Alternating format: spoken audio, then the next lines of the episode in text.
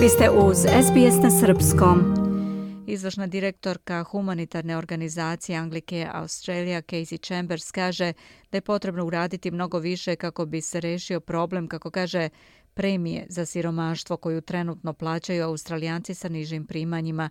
Njena izjava dolazi u trenutku objave novog izveštaja te organizacije koja otkriva da se ljudi sa nižim primanjima često suočavaju sa znatno višim životnim troškovima. Izveštaj pod nazivom The Poverty Premium otkriva da stanovnici sa nižim prihodima na kraju plaćaju do 1,5 puta više za iste usluge koje dobijaju drugi. Pripremio Zoran Subić. Da čujemo. Jason Haynes vodi centar za hitne potrebe ljudima, koji se nalazi sa druge strane jezera od parlamenta u Kamberi. I on ima hitnu poruku za političare koji se nalaze na tom usponu come down and speak to charities like ourselves that actually come and see exactly what's happening. It's nice to be able to do policy and, and all Dođite dole i pogledajte dobrotvorne organizacije kao što je naša. Dođite dole i vidite šta se tačno događa. Lepo je da budete u mogućnosti da uradite smernice i sve te stvari, ali ono što vidite napolju dolazi i zbog tih smernica. Nekada je najveća stvar ta što je ljudima stvarno teško. Nalaze se u bolu. Samo u prošloj godini Njegov centar je doživeo porast od 150% u broju ljudi iz Kambere koji potražuju njihovu pomoć.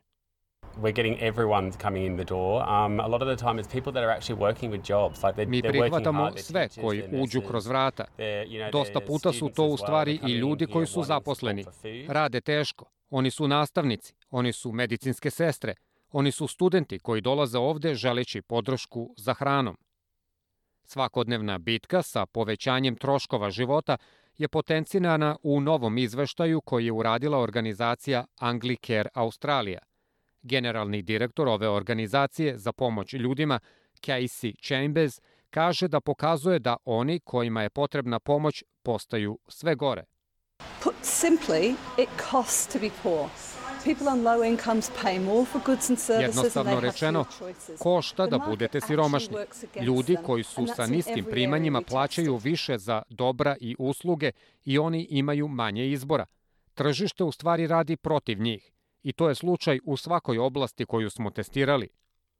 Anglicare organizacija kaže da ljudi sa niskim primanjima mogu da plaćaju do jednog i po puta više nego drugi ljudi za iste usluge – bilo da je to zbog toga gde žive ili zbog nemogućnosti da kupe stvari na veliko ili da prođu kroz više prodavnica tražići jeftinije cene ili zbog manjka ušteđevine ili zbog njihovog kapaciteta da imaju pristupa internetu kod kuće. Izveštaj koji se zove The Poverty Premium je pronašao da u proseku oni troše 10% više na gorivo za automobile koji nisu toliko efektivni i najmanje 20% više na struju i javni prevoz. Njihovi krediti koštaju 45% više. Osiguranje je 61% više, a namirnice 93%. Gospođa Čembes kaže da je ono što se ističe količina novca koju troše na telefonske podatke. There was a whopping 142% poverty premium. Čak 142% premijuma za siromaštvo za ona domaćinstva koji plaćaju to kao prepay, jer ne mogu da priušte da uđu u jedan od onih velikih planova. Ona je pozvala na to da se internet tretira kao neophodna usluga, We need to look at telco regulations. At the moment, only Telstra is required Moramo da pogledamo kakvi su tehnološki propisi ovog trenutka. Samo Telstra mora da pruža usluge i dobra ljudima sa malim primanjima. I šta to znači je da mnogi ljudi koji nisu na ovim planovima plaćaju veće račune. To su osnovne stvari za koje Jason Haynes kaže da postoji sve veća potreba svakodnevno. your rent, your petrol's gone up, the food's gone up, what what goes? And that's the thing. It's majority of the time Vaša kirija, benzin za automobil raste, cena vaše hrane je porasla. Većinu vremena su roditelji ti koji se odriču stvari.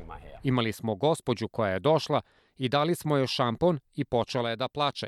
I rekla je, ne znate kada je bio poslednji put kada sam uradila nešto toliko luksuzno kao što je pranje moje kose. Želite da čujete još priča poput ove? Slušajte nas na Apple Podcast, Google Podcast, Spotify ili odakle god slušate podcast.